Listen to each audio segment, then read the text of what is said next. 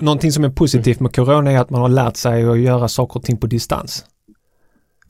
Jag hade nog, Ja, inte, gjort, jag hade nog inte gjort alla de här intervjuerna så snabbt och effektivt pre-corona times. Då jag liksom tog liksom mina, disciplinera sig. jag vet jag fyllde mina väskor med mikrofoner. Ja, Du kommer ihåg när jag kom hem till dig liksom och satte Ja, upp ja, ja, det det- var ju en hel, det var en hel show. Hela studion där vet du, ta en timme Ja, att ja, sätta, visst. ihop, sätta upp och sen en timme och eh, packa ner liksom. Så det här är, det här är riktigt smidigt.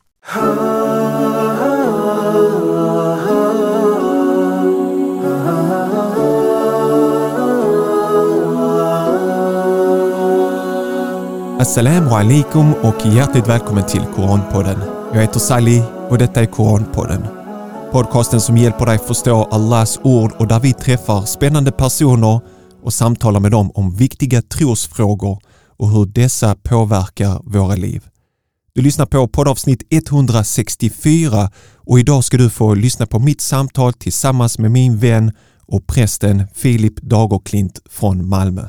Filip Dagerklint har tidigare gästat Koranpodden. Det var poddavsnitt 61, Koran och kaffe med prästen Filip Dagerklint. I det samtalet satt vi hemma i Filips kök och diskuterade Koranen över en nybryggd kaffe. Det blev ett djupt samtal om livets svåraste frågor. Kristna och muslimer har en särskild profet gemensamt och det är Jesus Kristus. Guds frid vara över honom. I detta samtal delar Filip tre bibelverser med Jesus budskap och jag delar tre koranverser med Jesus budskap. Vi reflekterar över Jesus kraftfulla budskap och när vi gör det så ser vi att vi har mycket gemensamt. Det blev ett mycket givande samtal om trons kraft i ett sekulärt samhälle, att vara en god förälder, uppriktighet i tron och mycket annat. När jag nämnde att jag hade spelat in samtalet på min privata Facebook-sida fick jag två invändningar till samtalet som jag har valt att bemöta här på podden. Den första kommentaren löd som följer. Vad är syftet med att lyfta gemensamma saker? Att lyfta likheter är inte dawa, att bjuda in människor till den muslimska tron. Att lyfta skillnader och lyfta fram det speciella med islam är dawa. Likheter kan sända fel budskap, nämligen att båda gör något fint och kan fortsätta med det. Slutcitat. Okej, mitt svar på denna invändning. Jag vill understryka att jag på inget sätt förnekar att det finns grundläggande skillnader mellan islam och kristendomen. Det är viktigt att samtal, diskussioner och debatter sker i syfte att finna och följa sanningen. I poddavsnitt 150, från präst till muslim med Leif, berättar Leif om några av de grundläggande skillnader mellan islam och kristendomen som gjorde att Leif bestämde sig för att bli muslim. Med det sagt är det också viktigt att vi lyfter att det i religionsdialogen eller kalla det för dawa inte alltid ska vara fokus på det som skiljer oss åt. Våra skillnader. Koranen har ofta ett särskilt fokus på likheterna och finna det gemensamma i syfte att följa sanningen. Här vill jag lyfta två koranverser. Gud säger i Koranen kapitel 3, vers 64. قل يا أهل الكتاب تعالوا إلى كلمة سواء بيننا وبينكم ألا نعبد إلا الله ألا نعبد إلا الله ولا نشرك به شيئا ولا يتخذ بعضنا بعضا أربابا من دون الله فإن تولوا فقولوا اشهدوا بأننا مسلمون Säg efterföljare av äldre tiders uppenbarelser. Låt oss samlas kring en regel, gemensam för oss och för er. Att vi inte ska dyrka någon utom Gud och inte sätta något vid Guds sida och inte erkänna andra människor som våra herrar och beskyddare i Guds ställe. Och säg, om de vänder er ryggen, vittna då att det är vi som har underkastat oss hans vilja. Slutcitat.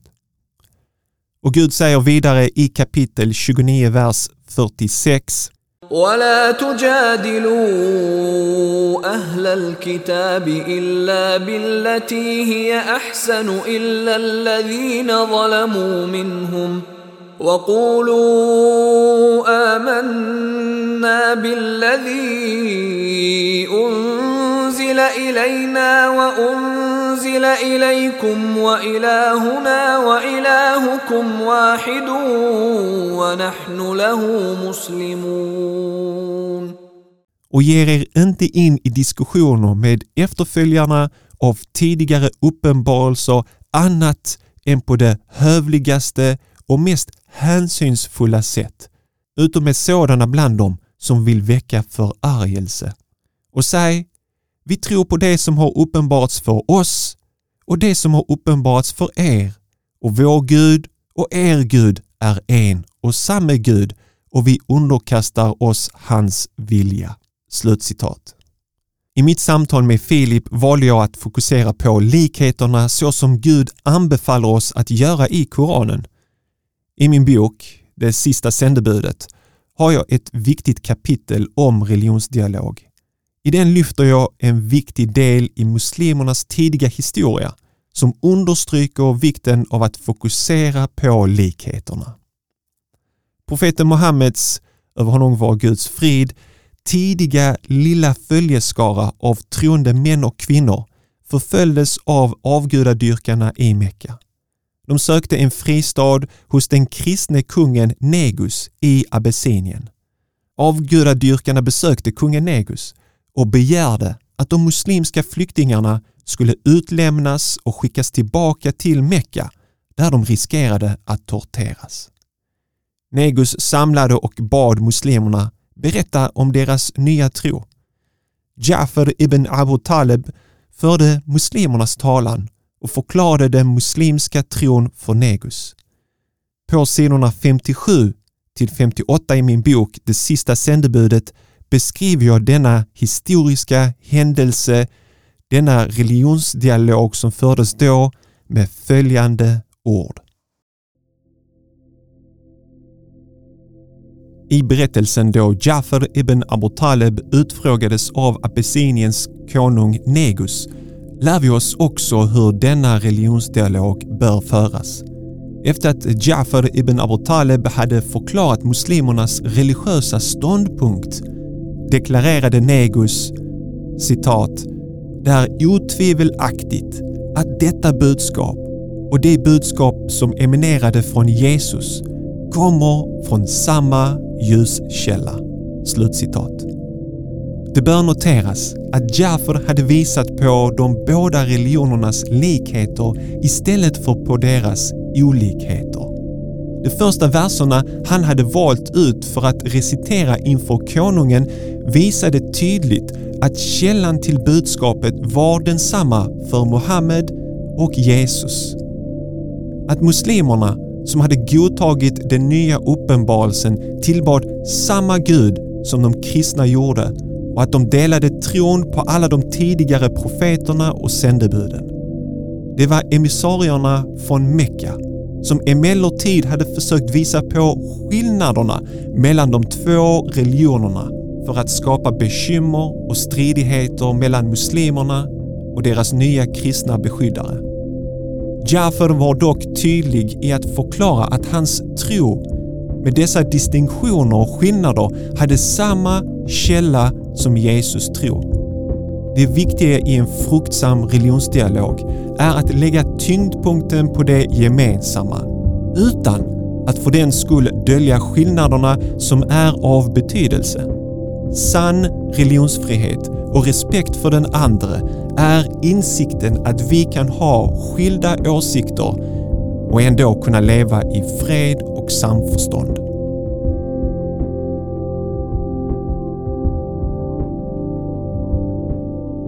By the way, min bok finns att beställas via Tahara och direktlänk till boken finns på koranpodden.se 164.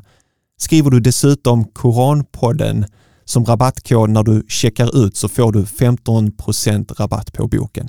Okej, tillbaks till huvudämnet. Att lyfta fram likheter är alltså inte samma sak som att likställa islam med andra religioner. Istället är det ett viktigt sätt att visa att profeten Muhammed, över honom var Guds frid, tillhörde en lång skara av profeter och sändebud som Gud har skickat till världen. En annan invändning på mitt Facebook-inlägg var följande. Jesus i all ära, men Kristus kan vi stryka. En annan person kommenterade och skrev Kristus tillhör inte oss. Kristus är deras uppfattning. Slutcitat. Det är ren okunskap för muslimer att förneka att Jesus är Kristus. En enkel sökning på Wikipedia får vi reda på innebörden av begreppet Kristus. Jag citerar. Kristus betyder den smorde och är en titel som av de troende kristna har givits åt Jesus från Nasaret.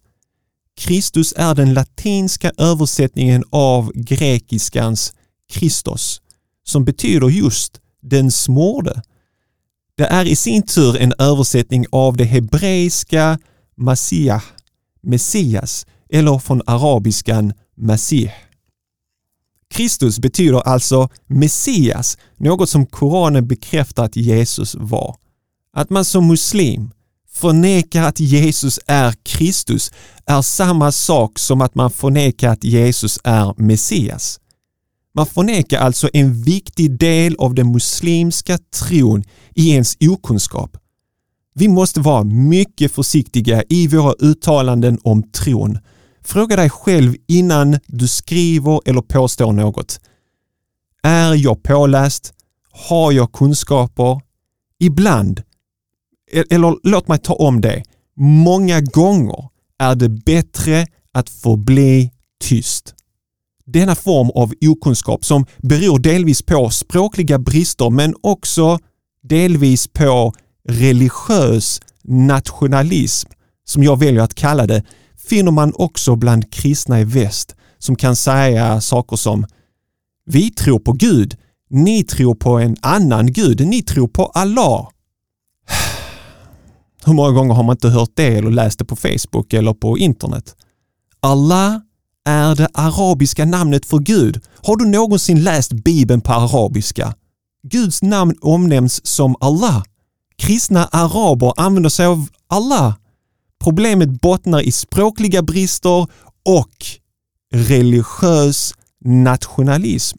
Eftersom när muslimer påtalar för kristna att Allah är skaparen, den enda guden, så fortsätter vissa kristna ändå att påstå nej, nej, nej, ni tror på Allah, vi tror på Gud istället.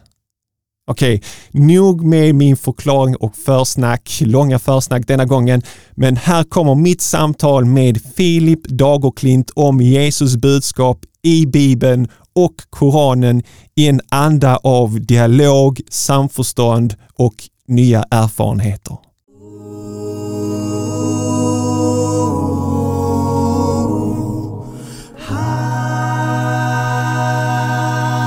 Eh, alltid en ära att ha med dig här på Koranpodden eh, Filip. Tusen tack för att du ställer upp. Detsamma. Tack för, för att jag får med. Det är eh, ja, väldigt trevligt. Mm. Eh, temat ikväll är Jesus budskap i Koranen och Bibeln. Det är en profet som vi båda två älskar och värdesätter mm. och eh, försöker eh, följa i hans eh, fotspår så gott vi kan. Och eh, det jag skulle gärna vilja se är liksom, det jag tänkte och jag kontaktade dig och du tackade ja, vilket jag uppskattar verkligen, är att, att få höra tre verser från Bibeln om Jesus och tre verser från Koranen och då tänkte jag att du kan hitta de tre verserna i Bibeln och jag hittar tre verser i Koranen och vi lyfter dem här och ger våra reflektioner och får kanske lyssnarna att tänka efter och, och liksom grubbla och kanske själva söka vidare kring Jesus budskap. Mm. Eh, tänker du på någonting innan vi kör igång? Eh, nej, nej, det här låter superbra. Det är mm. inga perspektiv på det hela också. Så jag tycker det här var en jättefin idé. Så jag är mm. det taggad, det ska bli jättekul. All right. Så eh, jag har tre verser, du har tre verser mm. och jag tänkte faktiskt ge dig äran eh, som gäst här på Koranpodden att börja först. Eh, så om du kan säga din första bibelvers med Jesus budskap eh, och så kan du ge dina reflektioner så kanske jag kan eh, också komma med några reflektioner, vi får se. Eh, och sen så går vi till Koranen så saxar vi så, så Bibeln, Koranen, Bibeln, yeah. Koranen. Låter det Perfekt. bra? Ja, ja absolut, absolut. Mm. Eh, jag har valt ett klassiskt ställe utifrån eh, Matteusevangeliet, den som kallas bergspredikan. Eh, och det är Matteusevangeliet kapitel 6, vers 19 eh, till 21. Eh, och jag har valt den därför att jag tycker att de här orden i sig ger, eh, de, de ger perspektiv på att det livet som, som vi lever är större än det som vi kan se och, och ta på. Mm. Eh, och jag vill ja, dela med mig av vår Herres ord här idag. Matteus evangeliet kapitel 16, vers 19 till 21. Skatter i himlen. Samla inte skatter här på jorden, där mal och mask förstör och tjuvar bryter sig in och stjäl. Samla skatter i himlen där varken mal eller mask förstör och inga tjuvar bryter sig in och stjäl. Ty där din skatt är, där kommer också ditt hjärta att vara. Mm.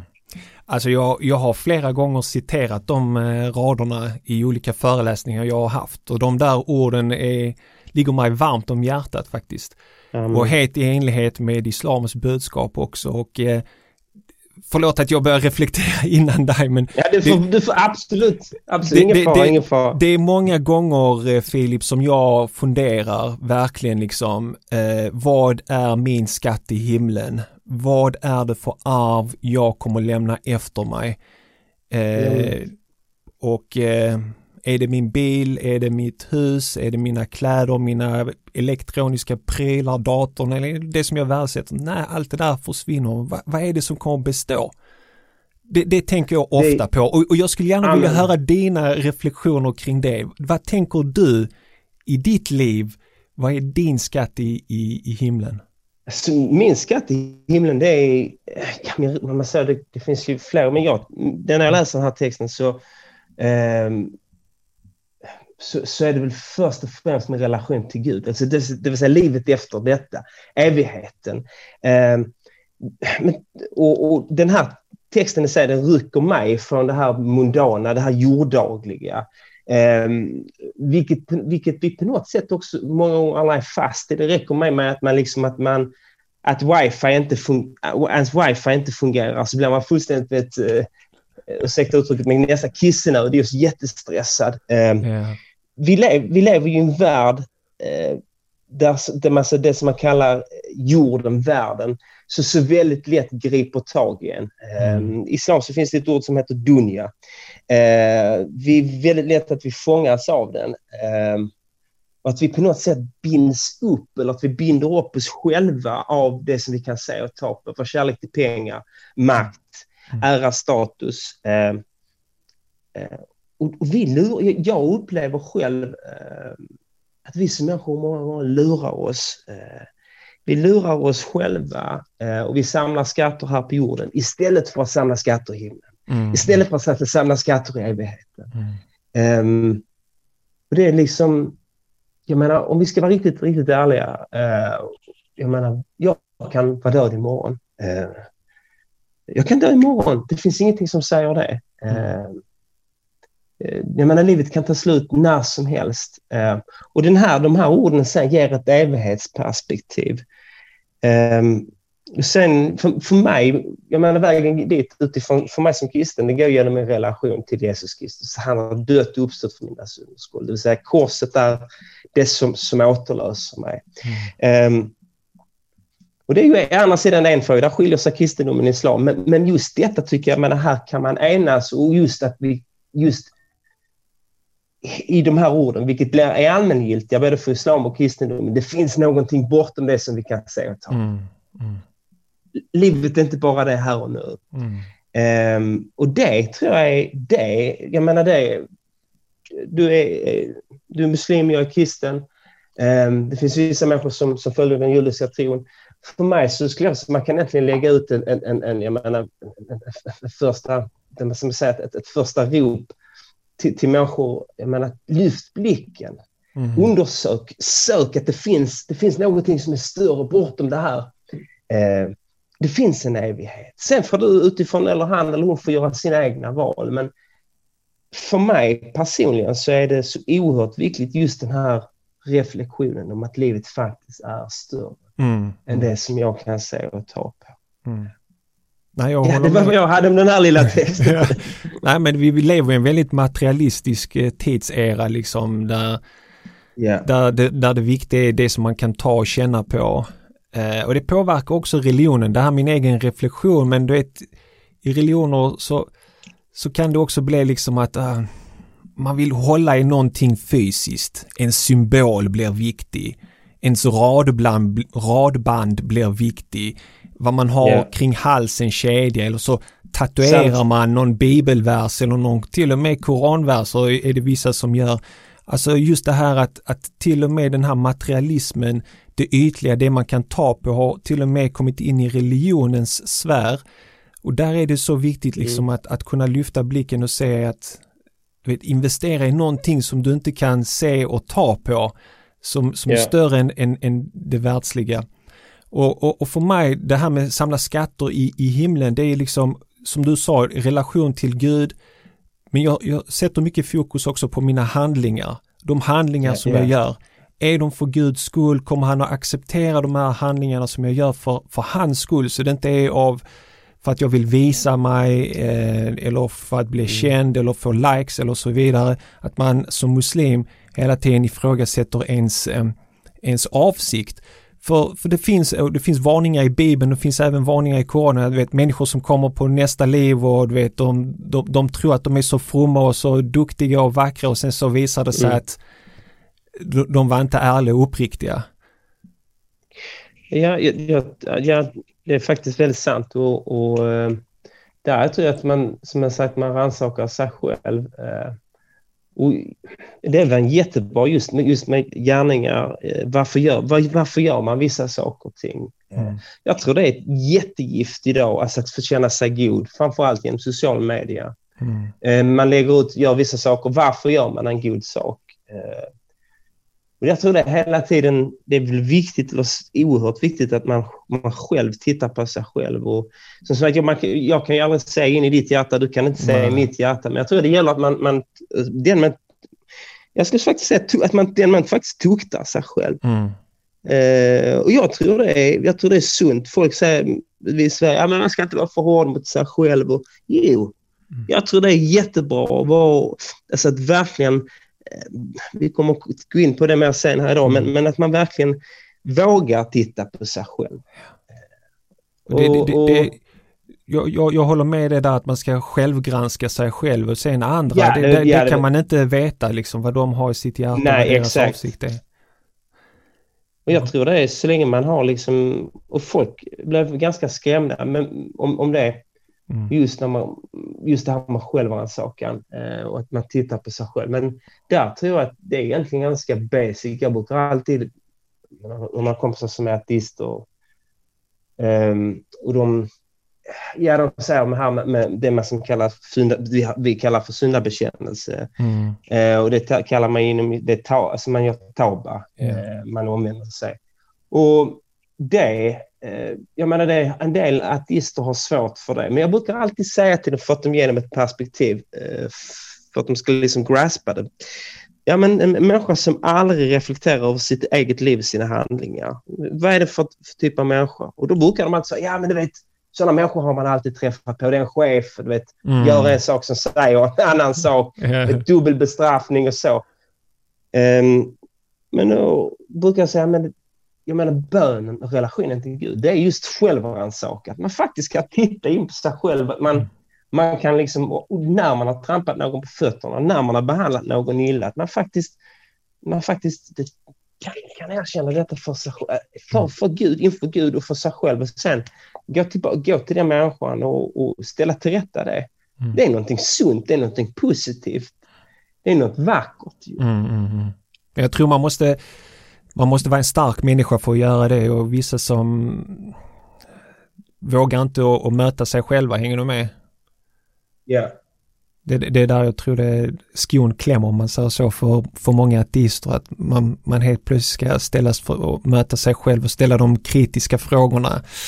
Det är inte så roligt, det är bättre att bara gå vidare och, och kötta på och köra med armbågarna liksom, ta sig fram. Så, jag, jag, jag tror det finns, det finns ju det finns en, en del människor, och då tror jag faktiskt det är oberoende för man, för man är, så jag tror det ligger på ett, ett djupare plan. Jag tror att det finns en del ateister som faktiskt är väldigt självrannsakande. Det finns mm. en del kristna som, som, som ja, där, där tron figurerar någonting som ligger på utan. Det vet mm. form, formalia. Yeah. jag tror att det är just det här, det måste, det måste ner. Ehm, detta när man kallar relation till Gud med självrannsakan, det måste bottna i mig själv. Um, och jag är övertygad om också att mycket tro är kultur. Mm. Så mycket tro, tänk på det, det är kultur. I vissa länder där går man alltid i kyrkan. De, mm. Det bara gör det liksom. Det, jag tror det är samma med islam. Man fastar därför att alla andra fastar. Mm. Men just den här djupa relationen, det, det, jag tror det kommer med, med, om, man, om man har som människa har Men dels tror jag, jag kan säga, har, har man en relation till Gud, och där den relationen är ens egen relation. Jag tror det är, annars så, så ehm, och är den inte det så är det, så är det någonting man bär kanske som en kulturell, ja det är någonting, det är någonting som ligger över en kulturellt. Mm. Man korsar sig, man går till kyrkan och ja. Eh, men jag tror att för att den liksom, för att det ska, eller för att just den här självrannsakan ska komma till, till, till stånd, för att det ska kunna ske i ens inre, så är utgångspunkten att den tron som jag har i mitt hjärta är min egen. Mm. Och jag tror det, det kan man applicera på islam eller på, på, på, oavsett, man måste själv ha valt det. Eller själv ha valt det, man måste själv vilja det. Mm, mm. Ja. Ska, vi, ska vi gå vidare? ja, det ska vi göra, ja, ska vi göra. absolut, absolut. Då, då tar jag min eh, första vers och det är från Koranen mm. kapitel 3, vers 50 och där det eh, citerar Jesus att han ska säga citat Frukta därför Gud och följ mig. Uh, och jag valde det citatet för att den, den säger ganska mycket om sändebudens budskap och det är liksom att de talade alltid om Gud, de bjöd in till Gud, till en relation till Gud och så sa de alltid följ mig. Det som vi pratar inom islam, sunna, att följa profeten sunna, hans eh, exempel, föredöme, att gå i hans fotspår. Jag vet inom kristendomen så har man de här armbanden och den här förkortningen What would Jesus do? Uh, yeah. What would, uh, så det är www J va? Ja. Yeah. Så en förkortning. Ja, det är ny. Ja. Det, det, det finns en ny... Mm, fortsätt. Det är som, det är som jag säger, det är en ganska ja, ny, eh, lite ny variation. Det finns något som heter imitatio Christi, alltså att det är på latin då, att, att göra det som Kristus gjorde, att vandra i hans steg. Mm. Så eh, lite mer äldre eh, version av, av men det beskriver i, i stort sett det, detsamma. Mm. Men just den här tanken att, att eh, man i sitt dagliga liv, när man har studerat deras liv, att försöka göra så som, som de hade gjort. Så om någon kränker dig själv, alltså kränker dig och du blir förbannad och du vill bara reagera, fundera kring hur hade Jesus agerat i en sån här situation? Hur hade profeten Muhammed, över honom var Guds frid, reagerat? Hur, hur hade och, och, det är en sån tankeställare i allt som man gör som, som troende att, att ständigt ja. komma tillbaka till deras liv. Då, då, är det så viktigt att man studerar deras liv, att man läser regelbundet yeah. och vet vem, vem mm. de är. För jag tror det finns väldigt stor okun, okunskap om deras budskap och hur de levde sina liv. Va, vad, är din, vad, är din, vad är dina tankar kring den versen? Nej, jag tror det är, jag tror det är väldigt, väldigt sant. Att, att, att, men, att leva i, i, i, i, i efterföljd av, av den som, som, som, som man, man, ens hjärta älskar Eh, och att, att leva också som, som, som, jag menar för mig som kristen, att imitera Kristus, att leva sig som Kristus, det är, no, det är någonting av det svåraste som finns. Mm. Det, det är liksom inget snack om det. Eh, och, men där tror jag också det är en ständigt, ständigt alltså, som jag sagt, ett ständigt dels som du säger att man, man faktiskt läser ordet, att man låter sig, sitt hjärta beröras av, av skriften. Eh, men också att ja, man tittar på, på, på, på, sin herres liv, hur han levde och försöker leva i hans så att säga, i, i fotspår. Men som sagt, det är något av det svåraste som finns och här misslyckas man som människa ständigt. Jag skulle säga att, och där tror jag egentligen det är också att, att, att ständigt, ständigt knacka på, på Guds dörr, att ständigt, ständigt söka Gud. Mm. Det är endast genom att le, le, leva i närheten av Gud som, så att, som, som Gud kan förändra ens hjärta.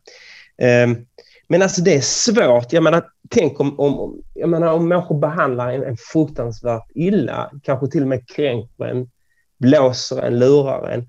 Mm. Eh, ja, det är, det är klart som korsspad man blir hemlysten. Alltså. Mm. Det, det, det, det är liksom... Jag tycker att man ska vara riktigt ärlig när man tittar på vem vi människor är. Jag tror inte vi... Det finns ett uttryck... Det finns lite olika kristna tolkningar. Det finns en del teologiska tolkningar som menar att så fort du kommer till tro på Jesus så, så blir du en, en, ett, ett helgon. Mm. Gud förändrar ditt, ditt hjärta. Så jag tror inte det är så enkelt. Jag tror det är, det är en lång, lång process. Och jag tror också att man lär sig av sina misstag om man verkligen vill söka Guds förlåtelse. Mm. Jag, tror inte, jag tror inte på den här du vet, idealen av, av, av den här, det finns en sån här nidbild av den egenrättfärdiga kristna som alltid ser ner på andra.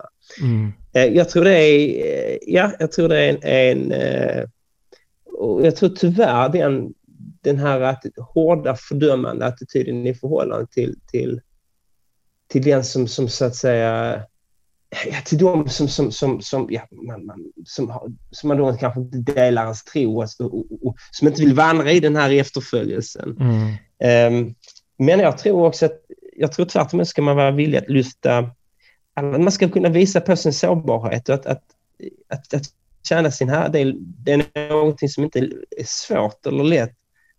Man misslyckas, eller vi som människor misslyckas, men man misslyckas ständigt. Eh, det skulle jag säga, det, det, ehm, det räcker man ju med liksom, man läser ordet och sen så, så, så är man i situationer eh, eh,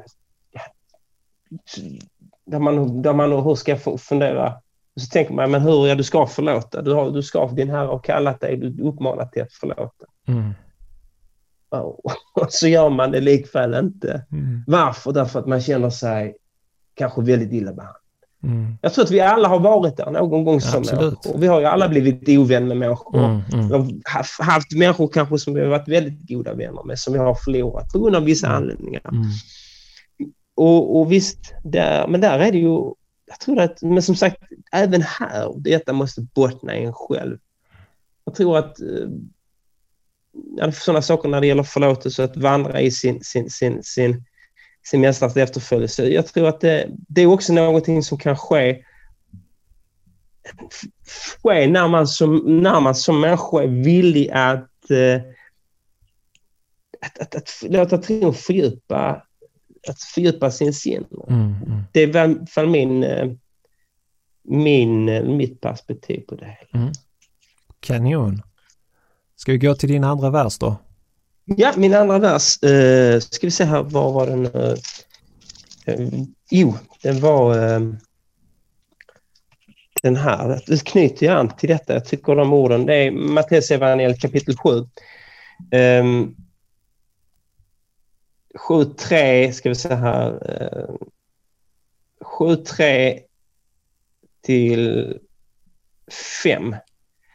Varför ser du flisan i din broders öga när du inte märker bjälket i ditt eget? Hur kan du säga till din broder, låt mig ta bort flisan ur ditt öga, du som har en bjälke i ditt öga. Hycklare, ta först bort bjälken ur ditt öga så kan du se klart och ta bort flisan ur din broders jag tycker de orden är, är, så väldigt, väldigt klara eh, och så mm. väldigt, väldigt vackra just i förhållande till, till, till det här.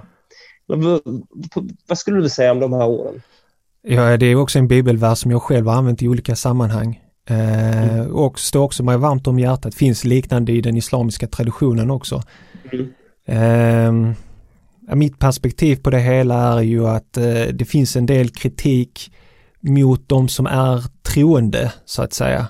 Mm. Och under Jesus tid så fanns det ju de här rabbinerna, de här superreligiösa över, alltså så här religiösa som såg ner på andra människor, hänger du med? Som kanske Ja. inte hade samma kunskap om eh, skriften och kanske inte Exakt. hade de yttre attributen och allt Mm. det där va. Men de, de hade en uppriktighet i sina hjärtan och, och jag menar det kan man se när man är med religiösa människor, med muslimer och så vidare. Där finns vissa som, där tron går fel och det blir ett fördömande där man ser ner på andra människor. Eh, och det är det som jag tror Jesus varnade för. Amen. Mm. Så att eh, jag, jag menar jag har träffat människor, du vet, jag, jag, jag minns, det som jag bara minns nu är att jag var på en pizzeria med en kompis, det här var jättelänge sedan, vi käkade och så Mm. satt vid ett bord jämte oss så satt det några alkisar. Eh, och vi pratade och sen så började de här alkisarna, du vet de är ändå, alltså många som har alkoholproblem, de är väldigt sociala. Av någon konstig Ja. anledning, väldigt trevliga, så de började liksom prata med oss och min ena kompis då, han var ganska religiös, så han började prata om islam och tron och tron på Gud och så här. Och de här var två helt alkoholiserade typer. Men den ena av dem hade muslimsk bakgrund. Och han började lyssna på min, min kompis liksom. Och han, han omvände sitt liv den kvällen. Han bara, jag vill inte hålla Mm. på med det här drickandet, jag vill sluta med det här. Vi besökte en kompis sent på kvällen, han duschade, han bad till Gud och efter det så kom han till moskén regelbundet. Jag kunde inte tro mina ögon att något sådant kunde ske. Men, men liksom, här skulle vi bara kunna se ner på dem som, ah, här är två alkisar, vem bryr sig om dem? Låt dem liksom dricka sig fulla. Men min kompis började prata om Gud och den ena bara omvände sig, hade en stor kärlek till Gud. Så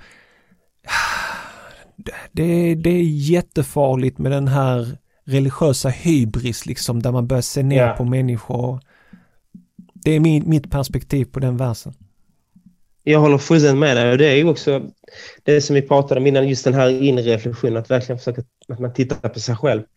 Eh, och att man, man rannsakar sig själv och, och, och vänder blicken inåt. Eh, jag tror att den här, den här egenrättfärdigheten det är egentligen det värsta gift som, som finns. Mm. Det finns inget värre gift och det förvrider religionen fullständigt. Egentligen, det, det som är så oavsett vilken tappning det än är, Mm. oavsett fall det är eh, luthersk form av kristendom, fall det är katolicism, ortodox, fall det är, är eh, shia eller sunni, Mm. eh, sala- salafi, hanbali, oavsett vilken madhab. Det, jag tror att när man utifrån en, en, en kontext eh, på något sätt eh, när man odlar sig själv i sin egen, egen rättfärdighet i den kulturen. eh, Mm. Ehm, så blir det... Ja, då, då har man liksom, man liksom just, just den här att när de, här- jag menar, står skriften att jag menar, två stycken kommer in, det kommer, kommer fram ehm, en tullindrivare och farisé inför templet. Mm. Och farisén tackar, sen så tackar Gud, tack gode Gud för att jag inte är som tullindrivaren där. Ja, just det. Jag fastar två gånger i veckan, Mm. kommer, kommer, kommer inte ihåg om sagt, jag fastar ett par gånger i veckan. Jag, ger, jag tror det är, om jag minns- det rätt, så, så att han ger också en, en, tiondel eh, av det han äger. Mm. Eh, men han förhäver sig själv. Eh, och, och, och tullindrivaren, han säger förlåt mig, eh, Gud. Var barmhärtig mot mig. Och det är egentligen det är den inställningen som bör prägla egentligen Mm. den ödmjuken som, som bör beträ, prägla den troende människans hjärta. Men jag tror mångt och mycket det handlar om kultur också. Alltså det här med, med alltså om innanför och utanförskapet mellan, mellan de, de troende eller de som inte delar ens tro. När de gränsdragningarna blir för, för, för skarpa, till exempel eh, så, så pass skarpa att man, man, man istället för att göra då dela med mig av, av sig den tron man bär på i sitt hjärta så stänger man dörrarna för. Och jag tror det är, Mm. Det är där faran ligger. Till exempel att man, inte, att man bara skulle fnys på näsan när de här två alkisarna kom och sen vänt, mm. vänt om ryggen eller bett dem vara tyst och gå och sätta sig på ett annat. Mm, precis. Och jag menar, du vet, ibland så brukar man träffa människor och det är så här, folk liksom, man pratar så är du troende? Är du praktiserande muslim och så här? Jag, jag har alltid avskytt de här begreppen liksom. Är du troende ja. eller är du praktiserande muslim? Jag, liksom, nej men jag är bara muslim, jag är en människa som alla andra. Jag strävar och kämpar och vet, jag är... Ja. Så, så, så man... Ja, det är jätteviktigt det här med, med ödmjukheten alltså. För det, det är lätt det är en form av rasism typ. Alltså du vet, för, för rasismen fungerar på samma sätt ungefär. Du vet att rasister känner sig bättre än alla andra och här har du liksom religiös ja, det... hybris, du vet, de känner sig bättre än alla andra. Det, det är livsfarligt. Ja, religiös fanatism i, i den mån går ju hand i hand med, med eh, går hand i hand med, med, det som sagt, det är ju just det här innan och utanför, utanförskap, mm. att man sätter sig själv på en högre nivå än, än, än mm den som inte praktiserar eller kanske den som inte... Och jag tror att eh, det, som sagt, det är, är, finns i alla tappningar. Och det, jag tror det, det gör också, ja, det gör folk immuna mot, eller mm. immuna, det, det, gör att människor, du vet, vanliga människor, jag tyckte det var så, det, det, just oerhört vanlig. Jag tycker faktiskt ja, det är någonting som man kan lyfta fram. Jag tycker att det finns eh, i Sverige som är så pass sekulariserat så, sekulariserat så, så, så finns det nästan ett slags stigma runt, runt omkring troende människor. Och, och där, där, människor, där människor har väldigt, väldigt svårt att förstå. De, när, som du sa när du säger att jag är praktiserande, jag är troende. Mm. Um, då tänker de, ja men då, då svävar Salle på ett moln av fromhet. det är inga vardagliga problem att det svävar liksom runt. Ja, eller hur? Jag tror det, ja, och det är det som jag tror att man måste komma ihåg. Nej, vi är en vanlig människa, jag har fel och brister. Ja, jag är långt ifrån ett helgon, men jag älskar min Gud. Jag älskar, mm. som jag som kristen, jag säger, mm. jag älskar min Herre. Mm, um, och det är det som jag tror det gör också att man kan sänka man då ribban mm. för människor så, så kan de också verkligen bli hungriga i sitt sökande på Gud. Mm. Jag håller med dig. Ska vi till nästa? Ja. Då tar jag eh, nästa koranvers och det är ja. Koranen vers 5, vers 117 där det står eh, Jesus har sagt Du är vittne till allt som sker och han refererar då till Gud. Och det här är någonting som jag försöker bära med mig i mitt liv, att Gud är vittne till allt. Så att om det är någon som behandlar mig på ett orättvist sätt eh, eller kränker mig eller någonting så, jag vill ge igen, så tänker jag mm. att ah, jag, jag, behöver inte ta min rätt och, och, och eh, men Gud ser allt, Gud vet allt. Eh, om, om det är någon som vill mig ont så vet jag, Gud är vittne till allt. Han ser vad den här människan har för onda avsikter och eh, det är bara Guds vilja som sker. Så om, som Gud vill att hans onda planer inte ska ske så kommer de inte ske. Så det, det här med att Gud är vittne till allt, det ger mig eh, ett visst lugn och en ro i mitt liv. Att jag behöver inte liksom jaga efter allt. Jag behöver inte alltid få rätt. Eh, mm. Så. Hur, hur tänker du kring, kring det här? Jag tycker det är jättebra sagt. Det är också någonting som jag, jag menar, står skriften att hämnden är Herrens. Jag, eh, ja, men det är väl många gånger man som människa, du vet, eh, man känner att man har blivit kränkt eller man känner att man vill ha ut sin rätt. Mm. Och det är, det är svårt, men, men och det, det, kan för mig också, det, det, det kan ge mitt, ge mitt hjärta en, en trygghet, en lugn, ett lugn. Vet, att jag vet att nej, men, det finns en dag, på den yttersta dagen, mm. då allting kommer att uppenbaras. Allting kommer så att säga av, av, avtäckas. Vad vi gjort och inte vad vi gjort. Mm. Um, och i detta, där kommer också min, vet, min okay, det, det som vi har blivit utsatt för, mina tårar, min, min smärta, allt det kommer att räknas och det kommer att vägas på den dagen. Uh, jag menar, vår Herre, han är domedagens konung. Mm.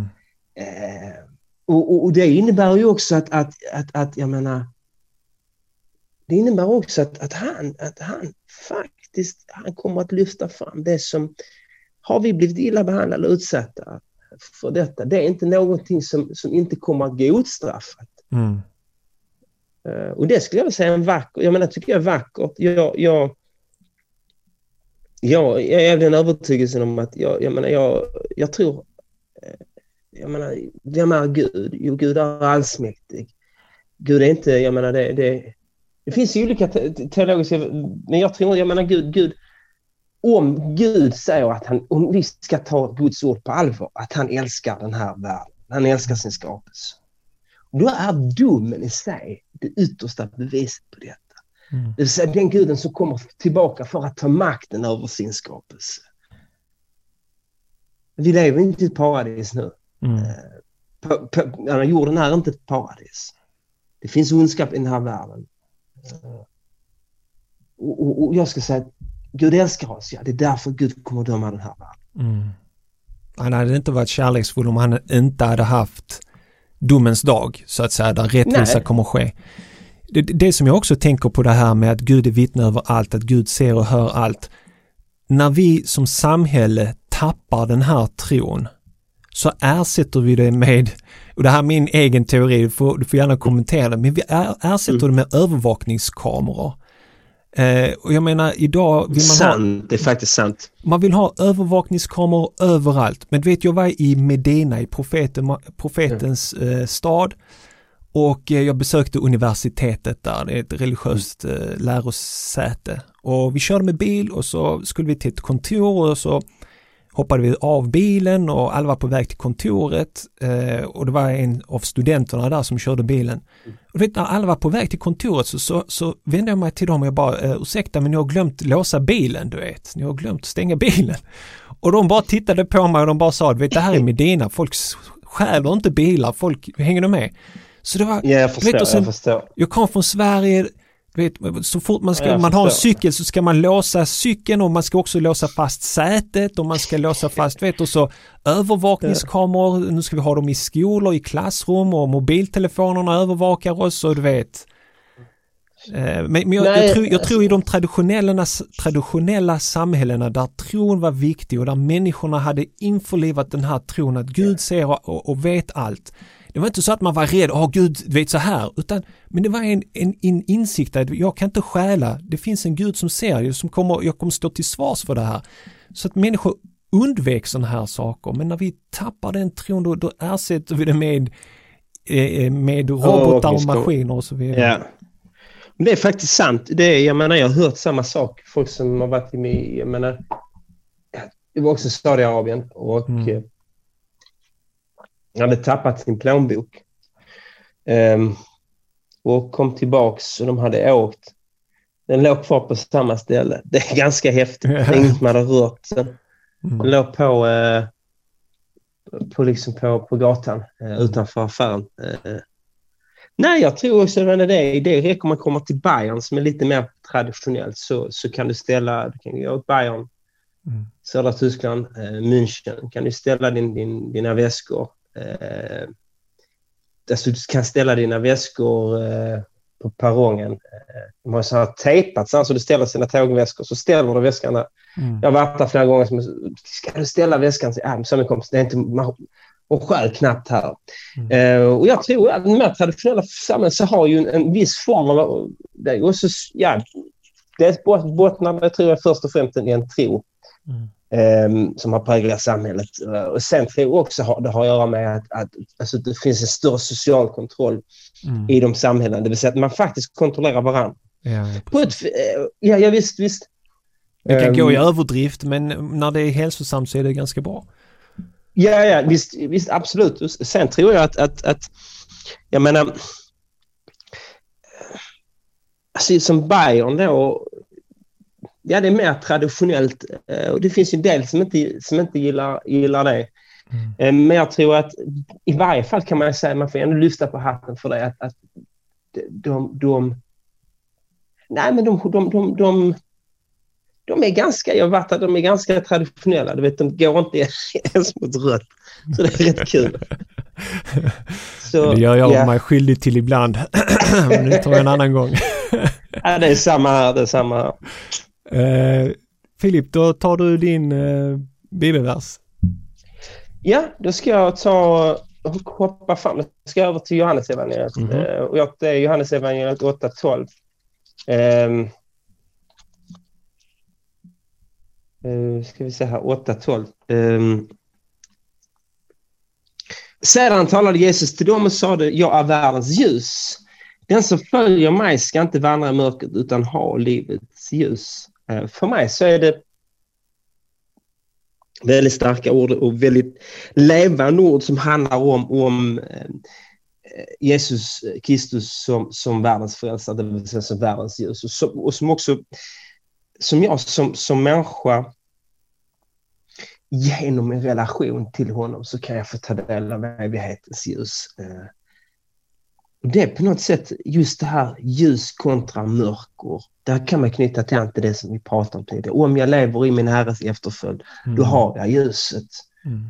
Det finns väldigt många vackra, enkla lik liknelser.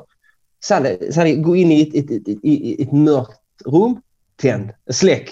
Mm. Säger ingenting, du stapplar dig fram, du trillar. Mm. Så tänder du ett enda litet ljus och så ser du mycket, mycket klarare. Mm. Eh, och ju livets ljus, eh, ja, genom min relation till Jesus så vet jag var jag är på väg i livet. Det är skulle jag säga en ypperlig, ypperlig bild av, av, just, eh, av just detta, att veta var jag är på väg i, i livet. Veta om vad, vad, ja men jag vet om att jag är människa. Mm. Gud har skapat mig. Jag vet också att jag är, har ett mål. Jag menar, vad, vad, vad är min destination? Mm. Jag har, jag har ställt in min, min riktning på evigheten. Jag strävar, jag strävar att, att vandra ditåt. Detta tror jag är också är, är, är ljuset, ljus, just ljuset kontra mörkret. Jag tycker det är en fantastiskt underbar liknelse. Mm. Jag, tror det, jag tror det är så många människor som skulle betala stora summor av pengar för att komma till en sån insikt, liksom vart de är på väg med sina liv. Det är så många människor jag har Mm. mött som, som har den här frågan hela tiden. Liksom, vad, vad är meningen med detta? Vad, varför finns jag? Liksom, de har inte svar på den frågan och de det är ett ständigt sökande och då ett lidande Ja. på något sätt. Eh, Och när man hör människor som har gått igenom det och sen funnit eh, liksom meningen och syftet, de, de är så lyckliga och glada. Så det, det, det finns, det finns en eh, imamer som säger liksom om, om kungar och generaler och presidenter kan vi ta idag i modern skepnad, eh, Mm. modern form, hade vetat det som de troende har i sina hjärtan av lycka och rikedom så hade de krigat för det istället för land, olja, mark och så Sant, vidare. Så. sant. Eh, Men Jesus var en fenomenal eh, människa och som la fram helt otroliga liknelser. Eh, liknelser är väldigt starka alltså för det, det öppnar upp eh, nya dimensioner, nya sätt att tänka kring Amen. världen och så. så att, eh, Så just det, jag tror det är, jag menar där, eh, just jag som, som troende skulle säga att jag följer min Herre. Eh, och som, som, som muslim, om man tittar på den här texten, skulle man ju sagt att man följer eh, det, det budskapet som, som Jesus ger och utifrån detta tar man del av, av, av nord, det vill säga ljuset, ljuset eh, från, från Gud. Eh, men ehm, Eh, Och det kan man ju diskutera, vad som, som, men, men det tycker jag är egentligen ganska för mig oväsentligt. Eh, jag tror vissa människor de har så här, vad kallas det för, apologeter de diskuterar och jag tror Ja, och om, det, om, om det kan hjälpa en själv och fördjupa en själv. Därmed så tror jag att man, det är väldigt svårt att övertyga någon annan. Och Mm. eh, eh, för mig egentligen, men, men det viktigaste för mig är att, att, att de, här, den här, de här orden, det viktigaste är att, att, att just detta med ljus kontra mörker. Ljus kontra mörker. Ljuset, ja det är min relation till, till Gud eh, genom min Herre Jesus Kristus. Om jag har det här ljuset i mitt liv så ska jag inte vandra i, i mörker. Utan jag, jag, jag, jag ut, utifrån de situationerna eh, och det livet som jag lever, och om jag, om jag, vandrar, alltså, om jag lever med detta så, så, ja, så vet jag så att säga var, var jag är på väg. Även om jag går fel. Det händer ibland. Vi kan Mm. slå in på fel vägar. Vi, vi kan missta oss.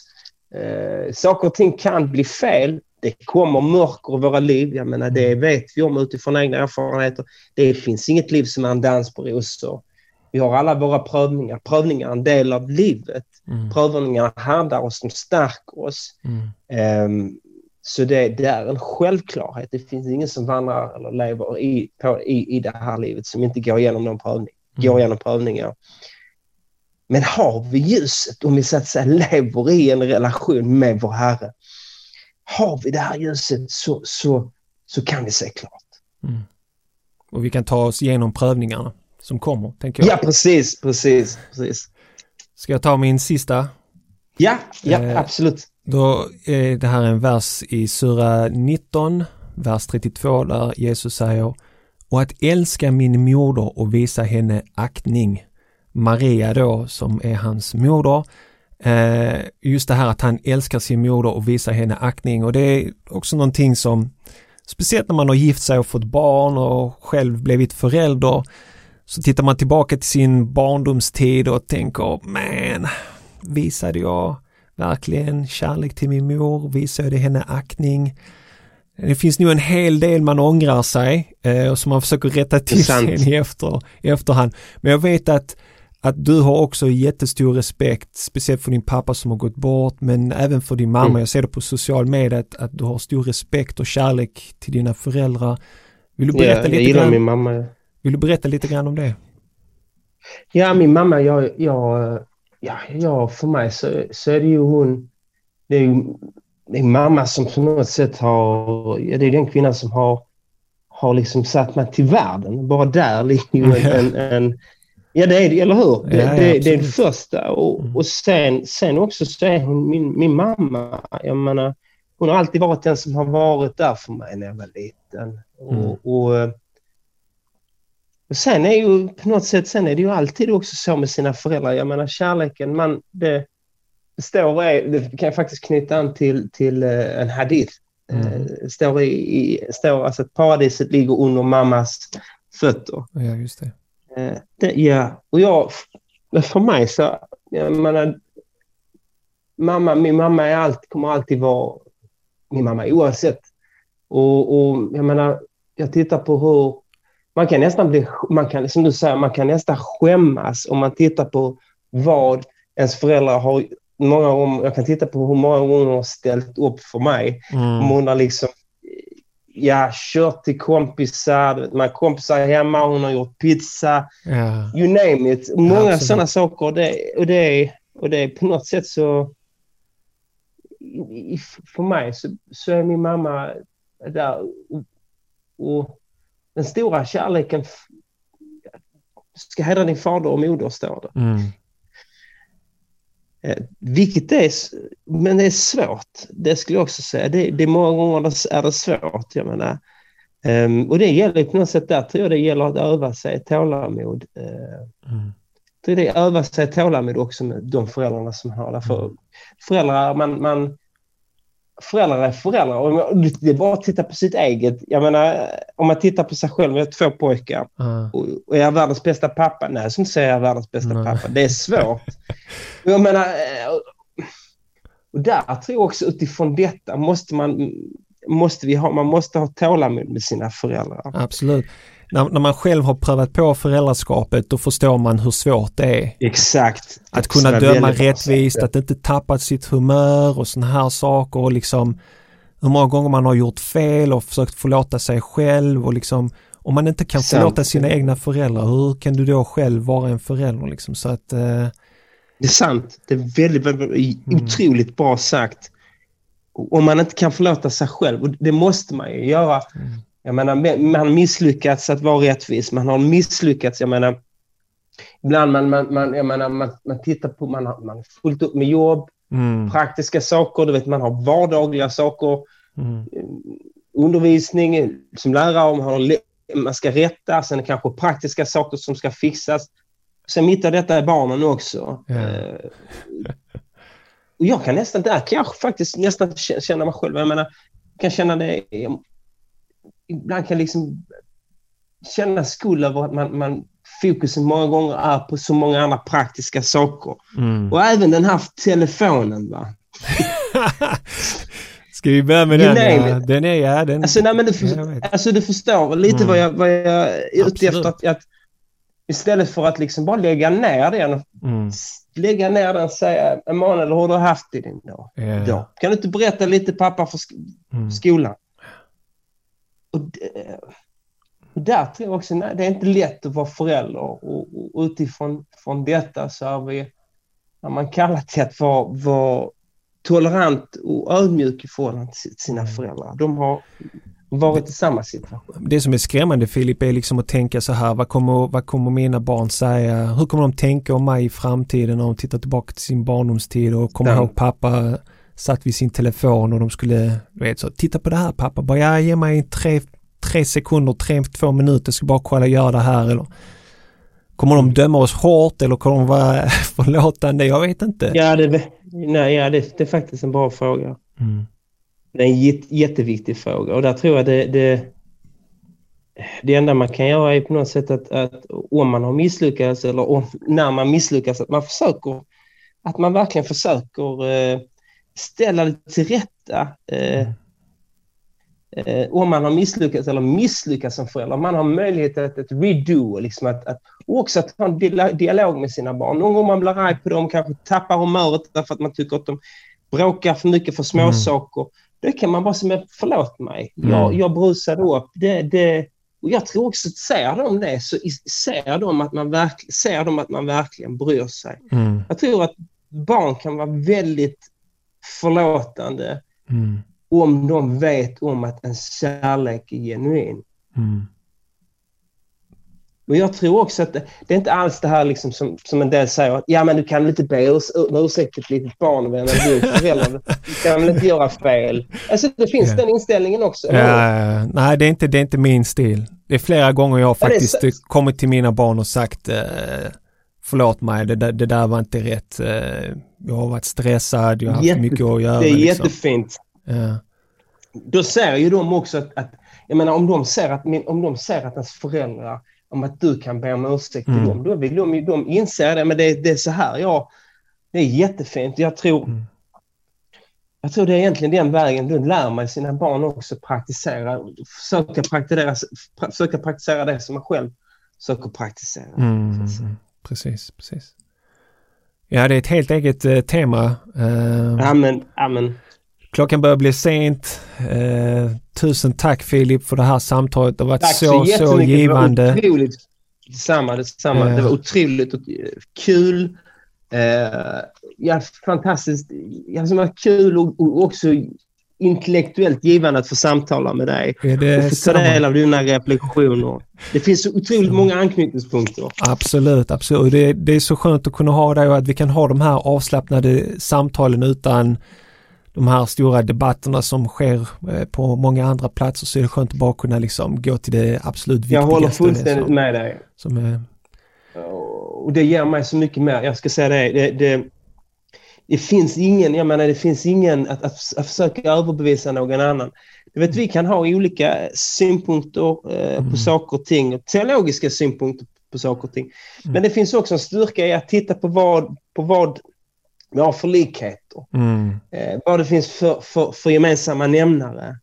Eh, det är så man brygger broar i ett samhälle. Det, det, jag menar, ja absolut, det är jätteviktigt. Ja, eh, och det ger en också, om du är en, en, en reflekterande människa, mm, om du är en, så att säga, en, en, en, en, tänkande människa, så gör de här mötena, detta mötet som jag har fått ha, som jag fått äran att vara vara- vara med här i, idag, det har gjort att jag har växt som människa. mm.